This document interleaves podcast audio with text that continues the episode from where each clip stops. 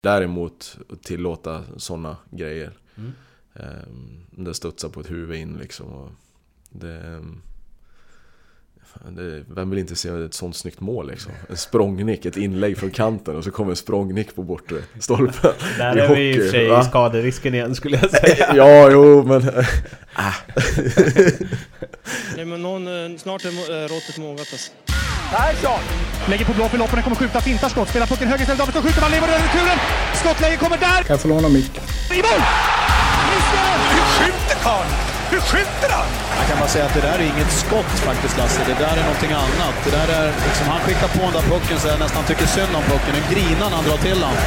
Utan Fröbo var målvakt! Kan jag få låna micken? Kolla! Poff!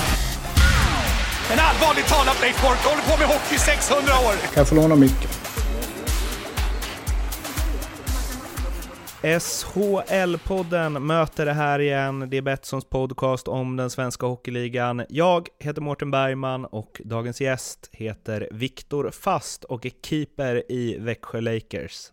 Vad vi pratar om i podden, det hittar ni i beskrivningen till den och mig når ni på SHL-bloggen eller att Martin Bergman på Twitter. Ni får förstås gärna mejla också på solpodd.gmail.com och kom gärna med tips på vilka spelare ni vill att jag intervjuar i den här podden framöver. Nu tillbaka till den 20 november. Det här är Viktor Fast. Mycket nöje. Senast jag träffade dig var i... Eh, Ja, vad blir det nu? D- Där på torget. Är det stat... Någon form av råd? Ja, det är väl residenset höll jag på att säga. Tror jag. Oj vad jag kommer klippa bort mina tvekningar kring vad det är för hus. Ja, du får klippa bort mig, vinna med om det är så att jag har fel. Eh, Men det var ju guldfirande och eh, ni hade precis slagit Skellefteå i 4-0 i matcher. Ehm, Du eh, spelade inte finalerna utan det gjorde Viktor Andrén. Han Mm. släppte in ett mål på fyra matcher. Mm. Efteråt så stod han på isen och ni stod bredvid varandra och han berättade om hur du var hans idol och så.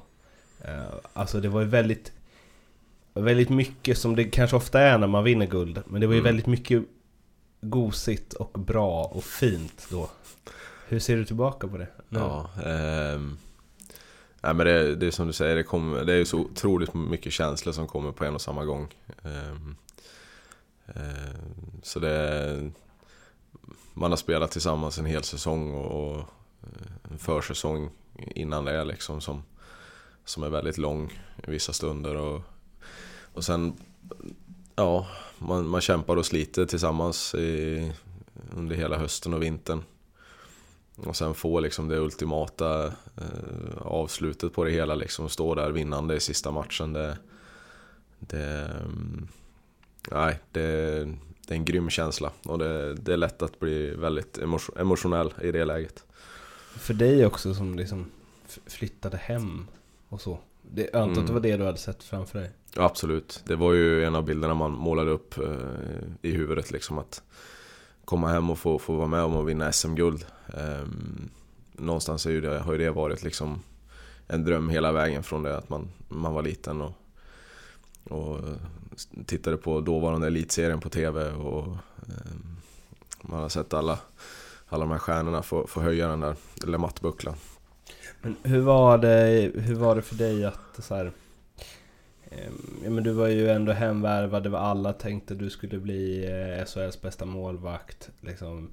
Spela mycket grundserien, eh, slutspelet började ju väldigt bra för dig. Mm. Eh, och sen att... Alltså, för det måste ju vara en annan känsla när man så här, hållit nollan i en final själv kontra att hitta på. Ja, det, det tror jag säkert. Men samtidigt så... Så, eh, så eh, någonstans har jag, jag har spelat väldigt mycket innan det där och på något vis mm, varit med och tagit laget så långt som, som till finalen liksom.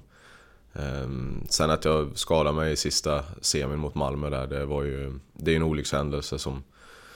eh, I idrottens värld så sker det skador och det, man kan aldrig riktigt mm, eh, rå för när de händer så att säga. Och för mig personligen så var det ju ett taskigt läge att, att hamna i men, men samtidigt så Viktor gick in och spelade fruktansvärt bra i finalmatcherna och vi, vi som lag spelade fantastiskt bra. Eh, sen kom jag tillbaka och fick, fick vara, vara ombytt de två sista och, och sitta i båset. Eh, så på något vis så, så kände jag mig eh, som att jag var inne i det i alla fall liksom, på de, de två sista matcherna. Då vill man ändå, eh, för att en grej som jag frågat många av er som var med i Växjö då. Eh, men där spelade ju alla då. Men det är ju det här, alltså ni var ju otroligt överlägsna. Eh, mm. Och det var Och det var liksom det som man, ni matades med hela tiden i intervjuerna efter matcher och alla var bara såhär, nej det, det är inte så som det ser ut och det är liksom hårt jobb och ja, att få det att se så enkelt ut är ju det svåraste man kan göra och så vidare och så vidare. Mm. Men alltså Det var ju enormt, enormt bra.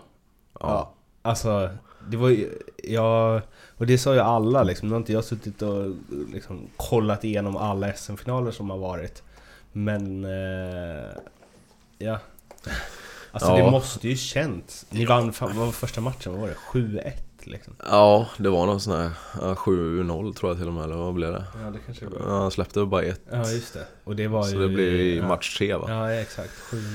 Eh, ja, alltså nu så här i efterhand så kan man ju känna att fan vi, vi var överlägsna men just då och när vi var uppe i det så, så kändes det inte som så. Eh, sen även fast man vinner en första finalmatch med 7-0 eller vad det nu blev. Eh, så i slutspelet så är det bara en match, som, alltså en match i taget som räknas. Nästa match står ju 0-0 från början ändå. Ehm, men på något vis så var det en fantastisk känsla som vi hade i laget att det var ingen som var nöjd liksom vid det, vid det utan vi hela tiden alla inne i omklädningsrummet ville överträffa sig själva hela tiden, varje match som blev. Och, och det var väl egentligen en röd tråd i hela, genom hela säsongen som vi hade i laget att, att aldrig vara nöjd utan hela tiden sträva efter att bli bättre. Um, vilket jag tycker man ska alltid ha. Um, men just att det varit, varit så kollektivt när det gäller spelsystem och, och, och underkasta sig roller på, på isen. Um, så var det, tror jag, nog bland det häftigaste uh, jag har varit med om då. Och jag menar, jag tycker vi har samma driv i den här gruppen i år som, som, som vi hade förra året. Vi har samma, samma vilja att förbättra oss varje match som, som, som går. Men kunde du liksom som var vid sidan av då, de första matcherna, kunde du säga Shit, vad bra vi är? ja men det är klart man sitter på läktaren, man, man har en annan bild av det och jag tyckte det såg fruktansvärt stabilt ut. Jag menar vi, vi släppte inte till mycket chanser och vi, vi skapade mycket chanser framåt. Och, Eh, på något vis så fanns det ett lugn i gruppen som gjorde att vi litade så fruktansvärt mycket på, på det vi gjorde ute på isen. Och det var ju tack vare eh, resan dit så att säga, att vi hade, att vi hade tacklat alla situationer på vägen dit på det sättet som vi gjorde tillsammans. Eh, så, och det, det kändes tycker jag hela vägen upp på, på pressläktaren där jag, där jag satt de första två inledande matcherna. Mm. Hur eh, påverkar, alltså du, att det var liksom stora målet, vinna SM-guld. Du gör det direkt. Mm. Eh, hur, hur har det påverkat den här säsongen och ingången i den? Eh, jag, jag, personligen så tycker jag att jag har känt mig mer avslappnad inför den här säsongen. Förra säsongen man kom hem, man hade höga krav på sig själv. Det var höga krav utifrån. Jag har fortfarande väldigt höga krav på mig själv. Sen utifrån vet jag inte hur det ser ut men, men eh, framförallt så känner jag i år att jag är mer tryggare med Jag vet vad som, var ligan eh, står någonstans och jag vet vad var jag själv står någonstans. Och mm, det är svårt när man har varit borta många år och, och komma hem och veta vad, eh, hur spelet har förändrats. Vad, vad, eh, vad krävs av mig som målvakt i den här ligan för att vi ska liksom eh, bli framgångsrika. Och på det viset så tycker jag att jag känner ett helt annat lugn i år och, och en bättre tilltro till mitt eget spel på, på den biten. Var du lite orolig? orolig var jag inte, jag var lite nervös kan jag nog säga. Ehm, men det tycker jag man ska vara. Jag, menar, jag är nervös fortfarande inför matchen nu. Liksom, det, det, den dagen jag inte är nervös, då, det är då jag blir orolig. Då, blir- då blir jag riktigt orolig för då, då är det något som är fel liksom. Men Det- utan det är, man, man vill ju gå ut och spela sin bästa hockey så det, det är så det är. Och gör man inte det då, då, då vinner man inte. Men du är nervös nu också? Inför matcherna? Ja absolut, Jaha, absolut. okej. Jo då. Nej men det är... Vadå såhär Luleå i omgång 37? Ja. Jag är nervös. Nice. Ja men det, är- det är lite så. Men man, man måste nog ha lite så här eh, matchfeeling liksom för att... För att... För att vara sitt bästa jag tror jag. Eller i alla fall jag. Vilken match har du varit mest nervös i? Det kan nog, den, den jag var mest nervös det var nog min första landskamp tror jag. Mm. Eh, som jag skulle möta. Det var Tyskland i, i Göteborg tror jag. Eller om det, nej det var till och med, vi spelade i Varberg eller något sånt där. Eller om det var Falkenberg, jag kommer inte riktigt Var det en sån där efter säsongen? Ja, det var en sån här bland de första träningsmatcherna inför VM. Vi hade precis åkt ut med AIK i slutspelet där. Ehm, och då, kommer jag ihåg, den, den natten innan där, då sov jag inte många timmar kan jag säga. Jag var så, jag var så trött på morgonen. Och jag hade inte fått i mig en enda matbit. Jag kände bara, det här kommer aldrig gå. Gick Så, det? eh, Jag tror jag tror jag höll nollan. Eller om det var, jag släppte ett tror jag. Okej. Eh, Det var något sånt där. Vi hade dubbelmöte mot Tyskland. Så jag, jag blandade ihop de där två matcherna lite grann. Men det gick bra i alla fall. Vi vann. Mm. Eh, och det var ju var en fantastisk känsla. Och sen sov jag väldigt gott natten efter. Hur, hur eh, tar din nervositet sig uttryck? Ehm, jag blir oftast eh, ganska fokuserad tror jag. Ehm, mål, målinriktad. Jag går igenom allt som jag måste göra för att jag ska spela så bra som möjligt så att säga. Och, um, ja, jag tror man kommer någonstans till ett läge där man hamnar i någon sorts flow kan man säga. Att det, det flyter på. Eh, man agerar istället för att tänka och det, det är nog det, det, det bästa man kan göra ute på banan. Det är att, mm, ofta så när du har spelat som bäst så vet du inte riktigt vad, vad det är som har gjort att du har spelat så bra. Utan, och då är det oftast ett tecken på att då har du, då har du hittat ditt flow så att säga och inte man behöver inte tänka ute på banan för, för att göra rätt saker utan det bara sker i stunden liksom. Och, och, mm, det är väl där någonstans man vill vara varje match egentligen.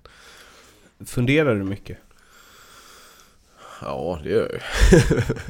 Det känns som eh, det finns en del eh, keeprar i den här ligan som Ja, drar det ett extra varv så att säga. ja ehm, nej men det är klart jag funderar på mycket. Jag funderar på mina barn och jag funderar på mina, min fru och eh, funderar på vad ehm, på vad jag ska göra på, på träningarna. Jag, liksom det, men sen mm, jag, jag tycker jag har just spelet så har jag ändå en grundfilosofi vad jag vill göra på, på isen. Och jag vet ganska tydligt hur jag vill spela. Eh, eller jag vet tydligt hur jag vill spela. Ehm, så oftast där behöver jag inte fundera så mycket på vad... Sen är det klart, menar, släpper man in mål så, så funderar man ju. Man, man, vi går ju alltid igenom målen på video, ser vad kunde jag gjort annorlunda, så man hittar lösningar. Och då vet man ju vad man ska gjort annorlunda och då behöver man inte fundera så mycket mer på det liksom, utan då, då vet man hur man ska lösa det. Och så gäller det bara att göra det i nästa, nästa situation den uppstår. Så det, nu, nu hoppar jag lite, vi ska tillbaks till det här året men alltså du slog igenom eh, som eh, ja, i S, eller elitserien var det då, i AIK när du var 28. mm. Hur har det, hur har det liksom, vad ska man säga, påverkat dig? Format din karriär? Att du var vid en ålder där man säger sen nu ska man vara som bäst. Ja, ja precis. Ja, vad är det här? Folk älskar ju att kalla det för late bloomer eller vad heter det? Ehm, jag tror att jag var... ehm, för mig, självklart hade jag gärna slått igenom när jag var 18 Mm. eller 19. Jag menar, vem skulle inte vilja göra det? Men samtidigt så, så har ju vägen till det att jag slog igenom, eller vad man ska säga då, som ishockeyspelare så, så är ju vägen dit eh, har varit oerhört viktig för mig och gjort och format mig till den människa jag är idag. Ehm, jag vet att det finns värre saker än att sitta på en buss upp till Gävle en, en eh, onsdag eftermiddag liksom i åtta timmar. Ehm, det finns värre saker att göra och man, man, eh, jag, jag jobbade vid sidan om när jag spelade i Växjö här i Allsvenskan så jobbade jag vid sidan om. Ehm, jag menar, då mötte vi Björklöven borta en vardag till exempel och kom hem vid sju på morgonen kan det ha varit och, och direkt till jobbet liksom dagen efter klockan åtta och jobba fram till två och sen träna halv fyra på, på eftermiddagen. Ehm, så jag har lärt mig att, uppskatta det jag har väldigt mycket. Ehm, samtidigt som jag tyckte det var väldigt eh, roligt då och väldigt avslappnande att ha ett jobb vid sidan om för man kunde tänka på annat än hockey. Det behövde inte bara vara hockey, hockey, hockey hela tiden liksom. Ehm, men det, det tror jag att jag, jag har lärt mig att jag inte får ta någonting för givet utan jag, jag vill njuta av, av eh, stunden och av den karriären jag har. Men, vad- men vad... Ehm, alltså hur... hur mådde du? Han du uppfatta liksom från Allsvenskan eh, Sen så bara dunder och brak i AIK första elitsäsongen, Direkt landslag Två säsonger i rad NHL KL VM Alltså han, han du... För det måste ju... Alltså från att så här Ja, jag kämpar på här i Växjö. Ja. alltså, Ja, ehm, jag har väl inte, eller jag har väl inte hunnit reflektera över det så. Ehm, för jag, jag upplever att jag är fortfarande uppe i det liksom och jag vill, jag vill bli bättre hela tiden. Ehm, sen tror jag det är farligt att luta sig tillbaka och, och se vad har jag gjort för någonting. Vad, vad har jag åstadkommit? Vad, vad har jag varit med om? Ehm, till den mån att man kanske blir nöjd. Alltså man, man lutar sig tillbaka så pass mycket och, och känner att shit, det här, var, det här har jag gjort bra. Liksom. Ehm, utan den, den, eh, den biten tror jag får ta den dagen jag lägger av. Ehm, och då kommer jag nog uppskatta alla, alla stunder som, som man har eh, fått vara med om. Eh, vilket jag givetvis uppskattar idag med, men, men på ett helt annat sätt tror jag att jag kommer kunna titta tillbaka på det med glädje. Eh, även förlustmatcher och även, även tuffare stunder i karriären liksom som, som och se att allting var positivt. Men liksom när du gjorde nio matcher för Lakers 09 Mm. du, Fanns det en enda tanke på NHL då? Nej, nej.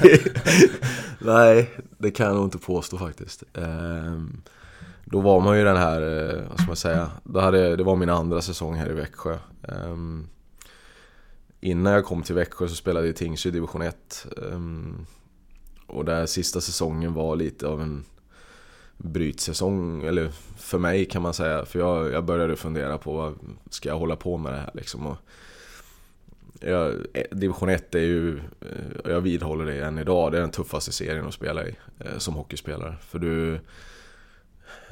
Serien är för bra för att du ska slippa träna och den, den är för dålig för att du ska kunna leva på det. Ehm, och jag, jag lyfter på hatten för alla, alla spelare som, som, som spelar där eh, i division 1 och, och gör det jobbet, lägger ner den tiden som krävs. Eh, Samtidigt som man kanske har familj vid sidan om och, och eh, det är ingen glamour. Eh, men man gör det för, för kärleken till sporten egentligen. Och, och, och jag hade väl någon brytpunkt där ungefär sista året i Tingsryd att händer det inte någonting nu så då, då får jag nog börja titta på vad, vad jag ska göra egentligen och vad, vad vill jag bli när jag blir stor egentligen. Eh, kändes det lite som. Och då var, vad kan jag ha varit då? 26 någonting, 25-26 va.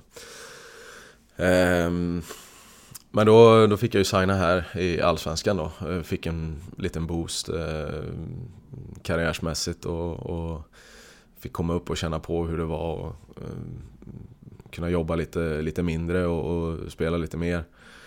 Ehm, men samtidigt så var det ju ingenting jag kunde leva på vid, sidan av så att säga första åren. Ehm, sen kom ju den där skadan då, ehm, andra säsongen. Jag spelade nio matcher som sagt och, slet av korsbandet i, knät. Vilket gjorde att jag fick opereras och så var ju den säsongen borta så att säga. Det tog väl 11 månader innan jag var på is igen tror jag. Någonting sånt. Och man hörde ju folk som sa att ja, det där där kommer du nog aldrig komma tillbaks från eller, och dylikt liksom. Och, men på något sätt så var det där att jag, jag gav mig fasen på att fasen, det, varför, varför ska det vara så? Jag, jag, kan, jag kommer vara starkare när jag kommer tillbaks, jag kommer, kommer eh, jag ska visa dem på något vis. Nej men lite, lite så var det liksom. Eh, jag träffade en fantastisk människa som heter Martin Blom som också som, som hjälpte mig då när, när, eh, när jag upplevde det som tuffast så att säga i, i den stunden. Och, och eh, jag hade börjat jobba med honom lite innan eh, med den mentala biten. Och så, eh, jag kommer ihåg när jag ringde honom och så, jag har berättat det här säkert tusen gånger men Jag ringde honom och så, för att liksom säga då, för han sa att ja men ring mig när du får besked vad, vad det är för någonting så, så får vi ju se liksom. För, och så ringde jag upp honom och så sa jag det att ja, nej, det är kört. Det är korsbandet, det är liksom vad jag förstod då var ju den, den värsta skadan man kunde få egentligen på, på ett knä liksom. Eh, varav han svarade, ja det är ju perfekt. Då, det är ju kanon. Då har vi ju hur mycket tid som helst att jobba på det som vi vill bli starkare på. Och jag, jag, jag höll ju på att lägga på luren och köra hem till honom och lappa, lappa till honom höll jag på att säga. Jag var så förbannad. Men eh, på något vis så, så um, Eh, jag förstod vad han menade eh, och vi, vi började någonstans där och bygga upp eh, inför när jag skulle komma tillbaka. Ehm, så även fast jag inte kunde vara på is, jag kunde inte ta ett skott. Jag, så när vi var i gymmet så, så vad ska man säga, spelade man upp situationer på isen och man försökte hela tiden återskapa situationer på isen i gymmet. Ehm, som gjorde att när jag kom tillbaka så var, upplevde inte jag att det var så stor, eh, ska man säga, det kändes som att jag hade varit på is fast jag inte hade varit på is på 11 månader. Eh, och någonstans där så, så, ehm, så tror jag att ja, poletten trillade ner för mig. Vad, vad, vad måste jag göra för att bli bättre och, och, hur, hur ska jag ta mig vidare i karriären? Men där då, kände du så här?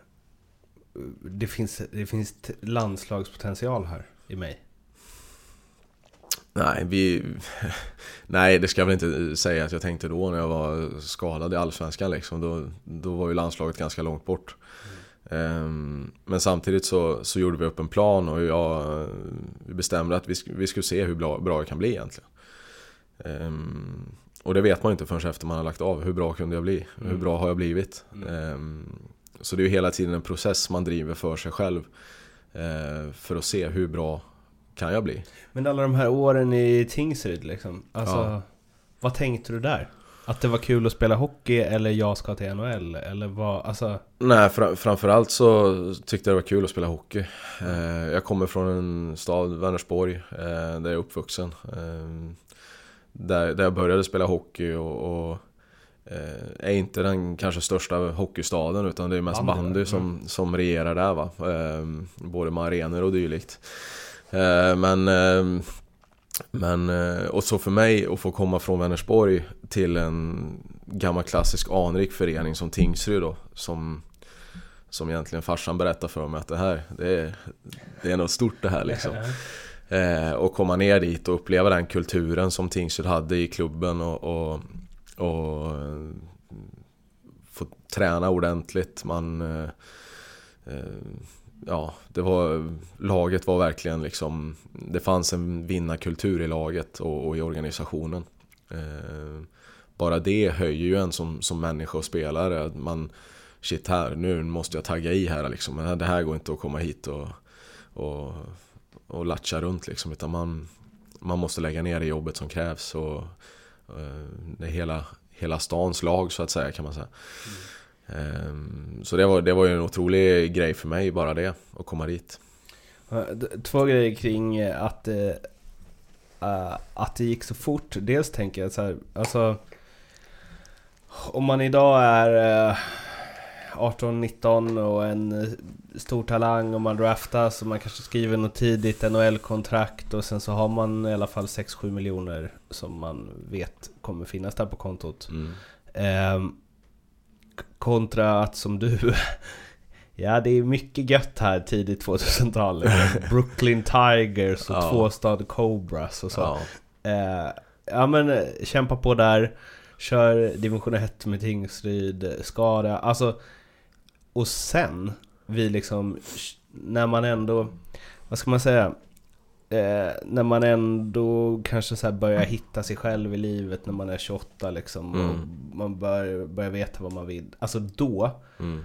går det otroligt fort till att du får leva liksom hockeydrömmen som alla vill leva. Ja, Eh, och liksom tjäna massa pengar och liksom, ja men verkligen så här. Det som man kanske drömmer om när man är 15 och inte när man är 28 på samma sätt. mm. Hur, alltså jag, jag tänker att du har njutit eller uppskattat det ännu lite mer än om du bara boom, Rangers när du var 20. ja jag, jag vill tro det också. Mm. Eh, nej men för jag, som du säger, man kastas in i ett maskineri där. Men spe- Speciellt man kommer över till NHL. Eh, det är bara business. Eh, du tjänar mycket pengar, det är folk som vill tjäna pengar på dig. Eh, det är lätt att dras med i det där tror jag. Och liksom tappa fotfästet lite grann. Eh, och där, där känner jag väl att jag är tacksam att jag var 30 när jag kom dit och inte liksom kanske rycktes med i alla de här eh, grejerna. Sen är det klart att jag har unnat mig grejer också. Liksom, men, men samtidigt så eh, var jag lite i den state of mind att ja, nu, nu räddade jag upp min uteblivna studieskuld så att säga lite grann. liksom på den nivån att eh, eh, okej, nu, nu har jag jag har råd att ta en utbildning den dagen jag lägger av och jag, jag liksom eh, Jag behövde kanske inte, jag menar Ja När jag spelade i Brooklyn och Vänersborg och I stort sett gjorde det för skoj och fick leva på min sambo liksom För att jag skulle kunna hålla på med hockeyn och till att, ja men nu kan jag Få ge tillbaks lite grann och jag kan eh, Ja spela med gott samvete. Jag behöver inte känna att shit, vad, vad, vad ska jag göra den dagen jag lägger av? Utan jag, jag hade ing, den paniken la sig lite grann, om man säger då. Ehm, så det, det är klart, man... man eh, jag skapade ju mig bättre förutsättningar genom att, genom att få, få signa de här kontrakten. Och det måste ju också vara, det måste finna, där tänker jag också att det måste vara mer För man har varit i det, i det hela vägen och så här, du vet, man har tänkt att det kommer ändå bli NHL. Det ska, alltså att det måste också vara så jävla, bara whoops. Helt plötsligt är det liksom eh, miljonkontrakt. Alltså det blir nästan som att eh, Nu har du ju så här kämpat så in i helvete förstås för att komma dit. Men det blir ju nästan som att vinna på Lotto. Ja, men lite så. Och, men samtidigt så, så ser man ju liksom hur små marginaler det kan vara då, i, i hockeyns värld. Det måste vara Eh, overkligt tänker jag. Ja, det var det ju. Absolut, Alltså- absolut. Jag vet, jag, jag kommer ihåg, jag, jag satt på ett hotellrum någonstans. Um, tror det var i Stockholm. Satt på ett hotellrum när jag, när jag skrev på mitt eh, NHL-kontrakt. Och jag hade fått det faxat till, till eh, lobbyn liksom. Och gick ner och eh, hämtade det. Och så, gick jag upp på rummet, och satt med agenten på telefon liksom. Och han ja, så skriver du på på den sidan och den sidan och den sidan. Och sen när det var klart så var det så här, jaha. Vad fasen, det, det här, det här, ja ja. Så det var ju, ehm, nej men det var en surrealistisk känsla var det. Eh. Det, det får nog säga. Men jag tänker att man inte fattar det riktigt heller. Alltså så här, Nej, nej, och det, jag förstod det väl egentligen inte då heller när jag hade signat utan det var väl först när jag kom dit och det, det blev allvar liksom. Jag fick åka till Anaheim och eh, jag vet, var där på någon development camp och alla andra var 18-19 och jag var 30 liksom. De frågade om jag ville komma dit. Ja, men det är klart som fan jag ville komma dit, sa jag. Så jag, jag, jag åkte dit i, kan det ha varit, i juni eller något sånt där liksom. Eh, Livet lekte, jag var typ den enda som hade körkort så jag fick köra alla smågrabbarna på en jävla minibuss där, jag och Ryan Lash tror jag det var. Eh, och liksom få se loggan i omklädningsrummet och dra på sig deras träningströja bara var ju liksom eh, Ja, det var ju eh, Fantastiskt. På något vis så kände jag mig som Jag vet inte vad Jag var äldst i gänget men jag var väl den som mest Kanske exalterad. mest exalterad utav alla liksom Ehm, De andra var ju draftade och hade väl liksom förberett sig mer på, på det hela liksom Medan jag då signade som unrestricted free agent och, och bara kastades in i det hela så det var Det var en rolig resa. Eh, rikt, riktigt kul var. Här låter det ju som att du njutit en del i alla fall. Ja men det gjorde jag, ja men absolut. Då var det ju liksom, och då var det ju, då var det ju off-season så att säga. Det var ju, det var ju bara en försäsongscamp liksom som eh, Så man åkte dit, bara, ja vi ska träna lite och, och spela någon intern match liksom. Och, sen var det ju beachen och, och, och palmer på, vid sidan om. Så. Så, eh, ja, fan vad nice. Ja, det, jag säger det. Anaheim, det, det måste vara världens bästa ställe att spela hockey på. Alltså. Eh, men eh, om, vi, om vi vänder på det då, alltså så här, hur var det att... ehm, eh, ja man har väl e- alltid sitt egna mindgame och liksom hantera press och stress Mm. och prestationsångest och så vidare. Men att på så kort tid eh, göra det i liksom allsvenskan till, eller till och med på så kort tid att göra det i division 1 liksom, till att göra det i landslag. Mm. Hur, eh, alltså, hur hanterar du hela den biten? För det måste ju blivit något annat. Ja, eh, det är, så fort du tar ett kliv upp så skruvas ju tempot upp en bit. Och det är ju... ehm, Det gäller ju att hantera det och, och jag tror det är en vanesak också. Jag menar, det är ju för, första träningarna man gör med Tre Kronor, man kommer upp, man, man får en chock liksom. Shit, grabbarna de är bra alltså. Det, det, det går fortare, de skjuter bättre liksom. Och det, alla, alla vill ju verkligen visa att de ska vara med och slåss om en plats. Och det blir ju mer, mer individuellt tänk, Om man ska säga. Man vill ju visa sig från sin bästa sida. Eh, och det är väl någonting som jag upplevde när jag kom över till Nordamerika också. Det är att i Sverige där är vi väldigt så här att kollektivet och gruppen ska må bra och gruppen ska spela bra tillsammans. Medans eh, var en liten så, eh, vad ska man säga, eh, kulturkrock när man kom dit och det var, man märkte i Nordamerika att där slåss du om din plats helt enkelt. Alltså det, det, det är du eller någon annan spelare. Eh, på den nivån är det liksom att Gör inte du det bra så står det tio andra på rad och vill göra det ännu bättre än dig liksom. Så, eh, där, där gäller det att vara, eh, vad ska man säga, ja, du, du måste tänka på dig själv och, och göra det som är bäst för dig själv. Samtidigt som gör du det så blir det bra för kollektivet. Eh, och det var lite annorlunda. Men att, att dina grejer, att liksom dina helt plötsligt betydde mycket mer inför en mycket större publik. Ja, Var aldrig det något du fick nej, jobba med? nej, alltså, jag tyckte inte det. Eh, men det. Jag vill stoppa pucken oavsett vilken, vilken arena det är, liksom vilken eh, vilken publik som sitter och tittar och hur många det är så, så vill man ju stoppa pucken och man vill eh, Man hatar att släppa in mål liksom så det eh, Eh, och det är som, som målvakt så det innebär det, det handlar ju om att du ska hela tiden liksom eh, Lära dig tackla nya situationer egentligen och, och, och Ja Stoppa pucken oavsett vad, vad som ställs framför dig så att säga Eh, vi ska strax gå till eh, andra delen med massa eh, ja, enkätfrågor. Eh, men i år, det börjar lite kämpigare Mm. än vad det gjorde i fjol. Eller så här, omöjligt att det ska bli ett lika bra år som i fjol kändes det med tanke på hur det såg ut i serien också. Men hur har det varit? För ni, eh, ja du hade väl näst bäst räddningsprocent tror jag. Eh, I alla fall, ja vad var det, efter 10 matcher eller något. Ja Ehm, Men ni gjorde inga mål. Nej, eh, nej men så är det. Vi, vi, eh, jag tycker vi spelade bra. Det, det är liksom så här. Vi spelade bra eh, första tio matcherna. Eh, fick kanske inte den här utdelningen som vi ville ha i form av poäng. Eh, kanske behövde skita ner oss lite mer liksom och, och, och göra lite mer smutsiga mål. Om man säger så, om man kan uttrycka sig så. Ehm, och det tycker jag vi har tagit steg i rätt riktning och, och lyckats med nu eh, de sista, jag vet inte hur många omgångar vi har spelat ens en gång. Eh, kan det vara 17 eller 16 någonting sånt. Eh, och då tycker jag, då, då har ju våra poäng börjat ramla in också liksom. Så det är ju, man kan tycka i början att det studsar lite emot oss och, eh, men samtidigt så förtjänar du de studsarna. Eh, nu tycker jag vi har, vi har höjt ett snäpp till i vårat liksom våran desperation ute på isen och, och jag tycker det har gett, eh, gett oss bättre betalt helt enkelt de sista matcherna här nu vi har spelat. Okej, så här då. Elias Pettersson har ju försvunnit, Robert Rosén har försvunnit. några till. Eh, Dennis Rasmusson och så vidare. Eh, är ni lika bra i år som det enormt överlägsna Växjö Lakers i fjol?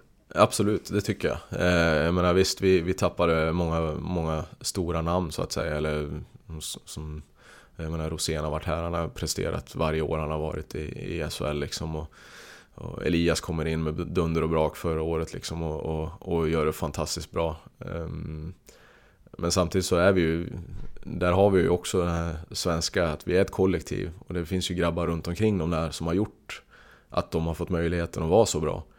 Mm. Um, och det, det har jag full, full tillit, tillit till i år att det finns andra spelare som, som kommer ta de rollerna. Och det finns fullt med spelare runt omkring som kommer tillåta de spelarna att vara så bra också. Så Växjö är lika bra i år? Absolut. Um, ditt kontrakt går ut efter säsongen va? Nej. Har du ett år ett till? År till ja. Ett år till. Ja. Sen då? Ja. Jag vet aldrig. Vi får se. Uh, nej men så, jag, jag vill spela så bra hockey som möjligt. Ehm, jag vill spela i en så bra liga som möjligt. Ehm, just nu så tycker jag hockey är fruktansvärt kul att hålla på med. Jag har ett driv som, som gör att jag vill bli bättre varje dag jag åker till träningen. Ehm, den dagen jag tappar det drivet och inte känner att idag, idag ska jag bli bättre. Då, då tror jag det är svårt att hålla på. Så vi, jag är fullt inställd på, på att spela så länge jag har det drivet. Och en förskjuten karriär också. Att du kan hålla Ja exakt, jag har, jag har ju 15 års buffert. Slitit där i slutet. Ja exakt. Nej men det Martin nej, Brodeur spelade väl tills han var 42 va? Ja precis, så du ser, det går ju vet det, Nej men det är jag, jag, tror det, så åldern, jag menar så länge min kropp känns bra och jag, jag har varit otroligt fräsch i kroppen nu de sista åren tycker jag Eh, så länge kroppen känns bra och, och eh, man har drivet liksom. och orkar driva på sig själv så eh, då, då finns det liksom ingen, ingen åldersgräns vill jag säga. Frågorna jag kör med alla. Förutom Foppa, Sudden och Lidas, vem är Sveriges bästa spelare genom alla tider? Oj. Det finns ju många kandidater där tycker jag. Börje. Börje. eh, måste fråga Z har vi också. Z får, måste nog...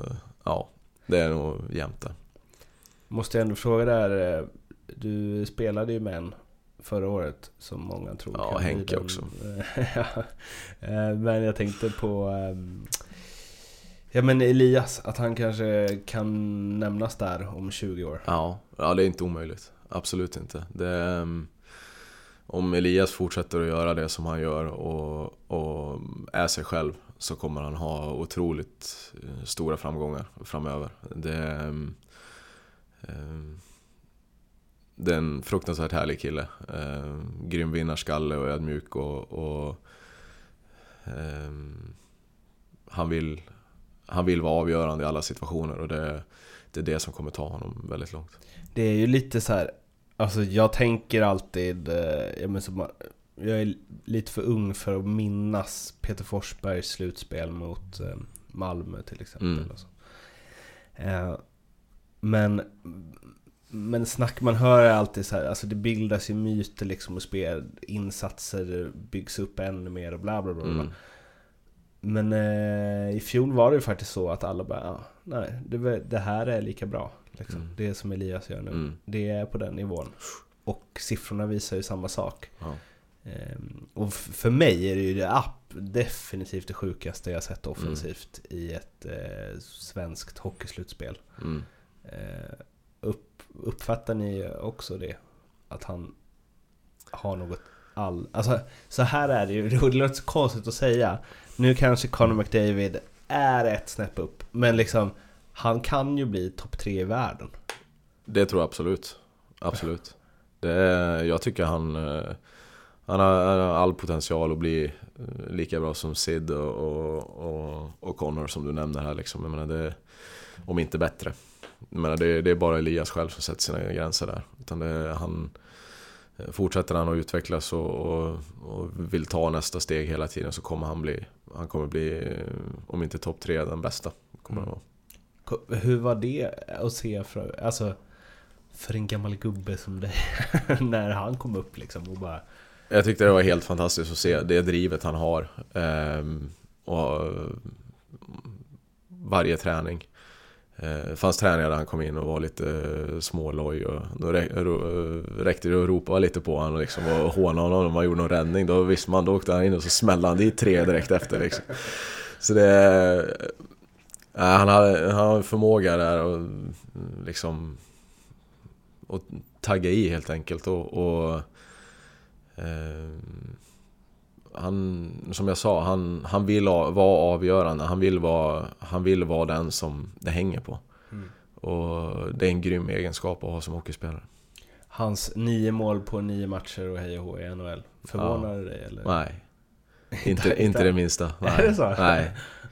Okej, du såg det här komma eller? Ja, jag... jag nej. Jag är inte det minsta förvånad faktiskt om jag ska vara ärlig. Okej.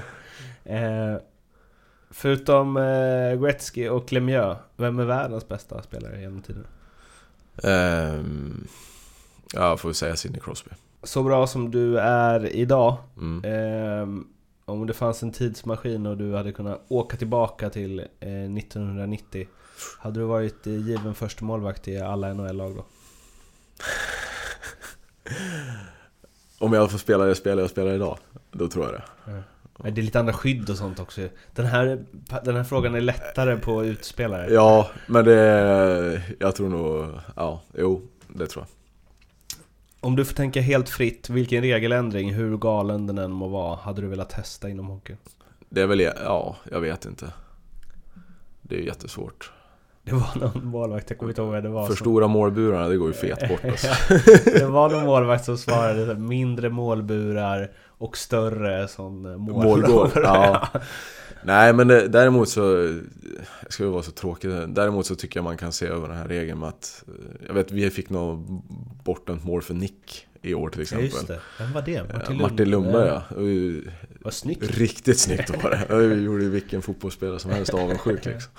Men sådana såna grejer tycker jag, sparkrörelse tycker jag är okej.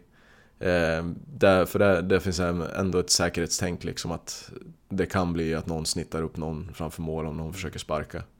Eh, så det, det tycker jag är bra att vi har den regeln. Men däremot att tillåta sådana grejer. Mm. Eh, det studsar på ett huvud in liksom.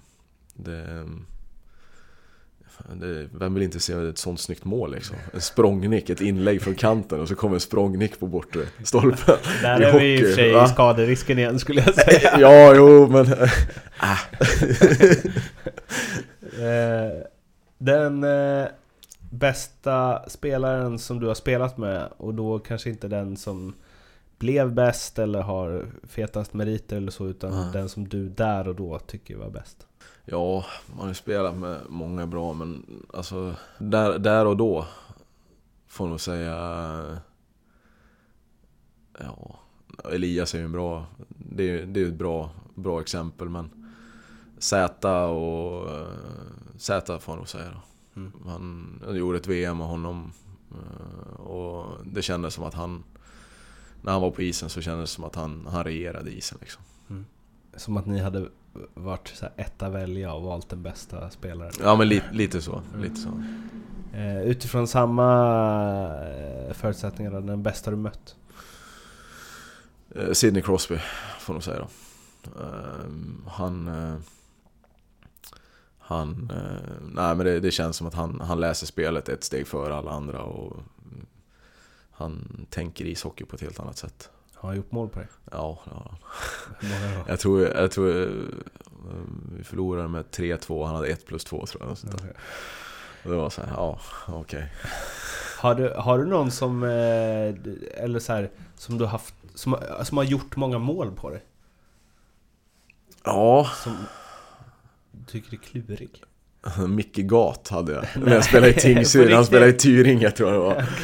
Då, jag tror, fan, vi åkte ner till Tyringe och åkte på torsk med typ så här. Kan det ha varit 9-6 Det var en sån här helt galen match. Och jag tror han hade så sex kassar den matchen. Aha, okay. det, det, är den, det är den jag kommer på. Från Crosby till Gat. Ja, Eh, han, ska inte, han ska inte förringas. Alltså. Han var en jäkla, jäkla måltjuv. Eh, Den bästa tränare du har haft? Ehm, är, man har, jag har haft många tränare med åren men på något vis eh, eh, kan ju låta smörigt att sitta här men Sam Hallam har ju en ledarstil som jag tycker är häftig att få uppleva vid sidan om. Hur då? Nej men att just balansgången eh, mellan, och, mellan ris och ros. Och, jag, menar, jag har haft, haft tränare som har stått och skrikit varje dag oavsett vad resultatet har varit och till slut så vet man att man, man stänger av liksom. Och Spelarna slutar lyssna till, till slut. Ehm, jag har haft spelare som, eller tränare som, som aldrig har varit förbannade och, och bara varit positivt och det kan ju också vara eh, bra, Har du? för, bra för vissa, ja absolut. Men eh, det kan också vara bra för vissa grupper liksom. Eh, Så det, är- jag tror det handlar mycket om, för en, för en tränare så handlar det om att lära sig gruppdynamiken och, och, och se vad, vad den gruppen han har framför sig. Vad, vad behöver den här gruppen? Vad, och, känna av spelarna liksom. Och där tycker jag Sam är ehm, eh, väldigt eh, duktig på. Den eh, bästa lagkamrat du har haft utifrån hur du tycker att man ska vara i ett omklädningsrum och i ett lag? Jag har haft många, många bra lagkamrater tycker jag. Ehm. Oj, det är jättesvårt. Men jag, jag håller Daniel Rahimi väldigt högt. Har du blivit starstruck inom hockey någon gång? Ja. Mm. ja. På trainingcampen i Anaheim. När jag träffade Teemu Sälänen och Sakko Koivu. Ehm, det var stort. Det, det Spelar, spelade... spelar du med dem? Ja. Ja. Ehm, och det... Det lät som att jag, det var evigheter sedan jag hade spelat med dem. Men det är typ så här, det, det, det, vad kan det vara? Eh, Sex år sedan. Ehm, Jag tänkte inte att de höll på så. jo då, Sällan han höll ju på, tror han två år då när, när jag var där. Ehm, men det är nog då. Och även när jag eh, gjorde de första landskamperna där, det var det Czech Hockey Games, eller vad heter det? Som går precis innan VM. Och Jagger var med, tjeckerna. Det, det var nog... Det, det kändes som en... Då var jag starstruck. Det är ju så här att möta hockeybilder. Ja men lite så, man har suttit och samlat på dem liksom i, När man var liten och så helt plötsligt så står han där på tekningen framför och man bara Ah, fan Så... eh, Fan jag får nästan uh, gåshud där. Eh, Så Mm. jävla häftigt att du... För det, det adderar ju också något. Att du spelade i, liksom på lägre nivå tills du var ja. 27. Alltså Ja. det är klart att det spelar roll i Ja, att absolut. du tycker att här, Jagger är Ja, mäktig liksom. Absolut, absolut. Vilken atlet från någon annan idrott är du mest imponerad av? Det finns ju uppsjö. Egentligen alla individuella idrottare. Ehm, Friidrott, ehm, längdskidåkning.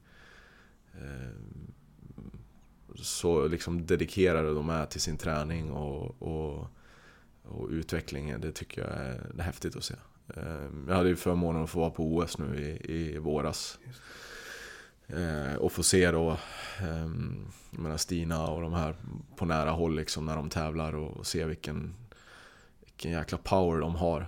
Ehm, det, det var fruktansvärt häftigt att se. Ja, det är fan maskiner alltså. Ja det är det. Det det är snudd på liksom, eh, vad ska man säga, omänskligt. Eh. Vilken eh, egenskap eh, som hockeyspelare är din bästa? Mm, eh, envisheten får jag nog säga. Envisheten och lite tjurskallig. Vilken annan...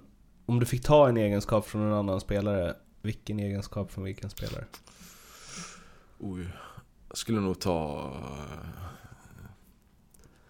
Carey Price lugn tror jag. Mm. Ehm, bara liksom sättet han ser ut att läsa spelet. Vara var på rätt ställe uh, vid rätt tillfälle liksom. Och ser aldrig ut som att han är stressad ute på isen utan han, han, han läser spelet så pass bra så att han, han behöver inte vara stressad, känns det som. Jag s- såg honom första gången jag såg en NHL-match eh, på plats. Mm. Så såg jag det. Montreal. När de gästade Rangers. Ja. Alltså, och eh, så satt jag precis, jag, jag satt väldigt, jag satt väl på typ femte raden eller något, Mm. precis vid målet.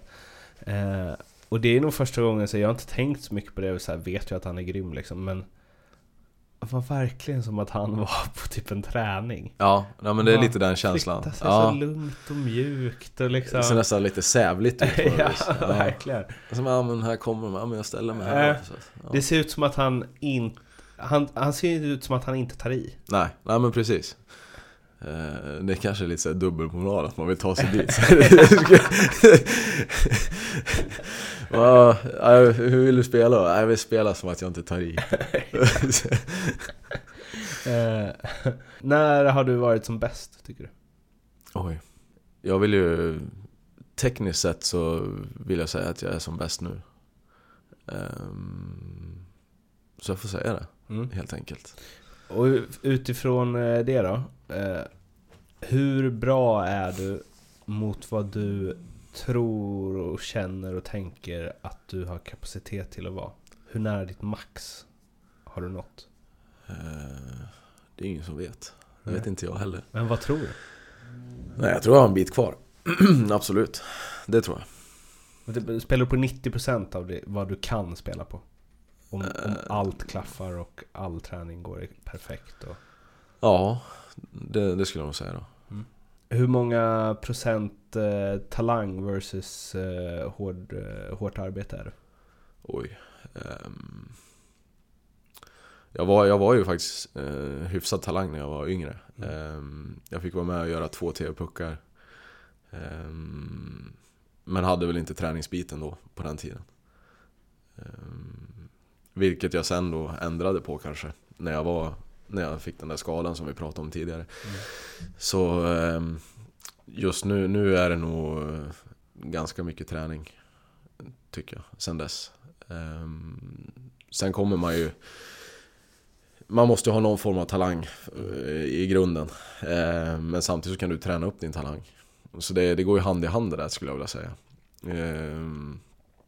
Det finns oerhört många talanger som, som är i ligan. Men jag tror inte de hade varit någonstans om de inte hade tränat heller.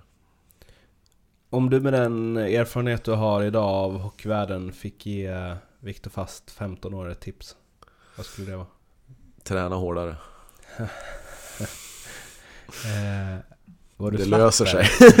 Nej, jag var inte slapp. Men, men däremot så, så kanske jag, jag gjorde inte mer än vad jag behövde. Okej. Så kan man säga. Ehm, och det har jag lärt mig med åren att vill du ta ett extra steg så kanske du måste göra mer än de andra. Ehm, du måste utmana dig själv i att söka vägar efter att bli bättre. Och då räcker det inte med att göra det som, som alla andra gör. Utan du måste göra någonting utöver det också. Som man säger när, när man vilar finns det alltid någon annan som tränar. ja, exakt. Eh, vem har betytt mest för din hockeykarriär? Ja, det är ju det är ju mina föräldrar eh, i grund och botten. Eh, det är de som har skjutsat till träning. Det är de som har... De, de har framförallt aldrig, aldrig... Aldrig... vad Ska man säga, de har pushat mig.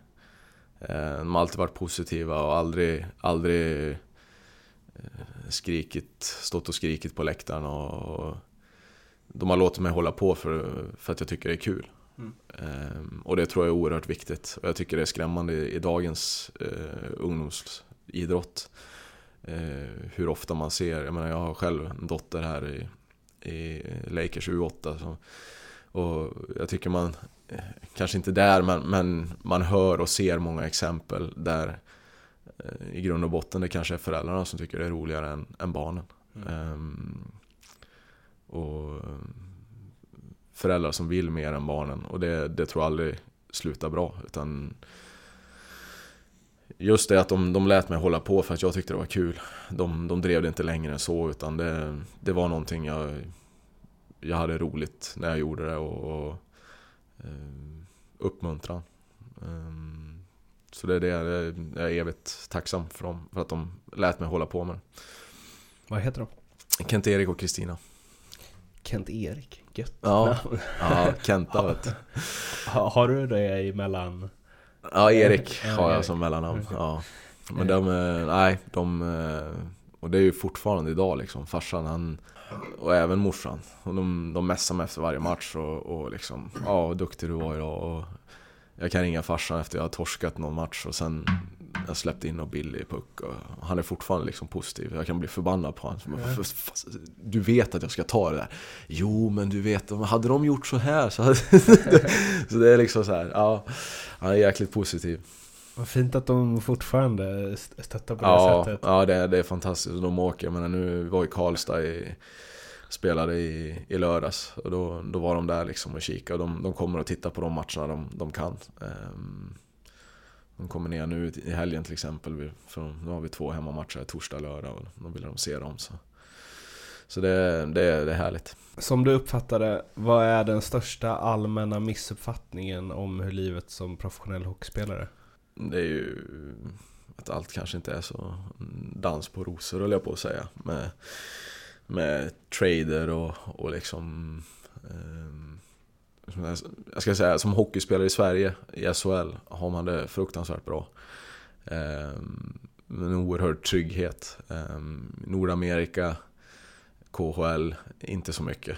Utan där är det liksom... Ehm, du kan vara bortbytt en dag till en annan liksom. Och, vilket jag själv fick erfara när jag, när jag blev tradad från Anaheim till Edmonton då. Vi låg först i ligan med Anaheim. Dagen innan deadline så blev jag tradad till Edmonton då som låg näst sist i ligan. Eh, från det då liksom att jag skulle ut på träning. Så bytte om och åkte ut på isen. Han köra tre varv kanske, åka och värma upp. Så kom assisterande tränaren liksom kallade in mig på kontoret. Sa att du, GM vill snacka med dig. Så eh, gick jag in på kontoret, satt där liksom med utrustningen på. Och så bara, ja du, vi, vi har tradat dig till Edmonton. Så du, du kan byta om igen. Så det var bara att gå in i omklädningsrummet då och, och plocka av sig grejerna igen. Ehm, jag kommer ihåg när jag satt där och tog av mig så kom Dustin Penner in. Så började han också ta av sig.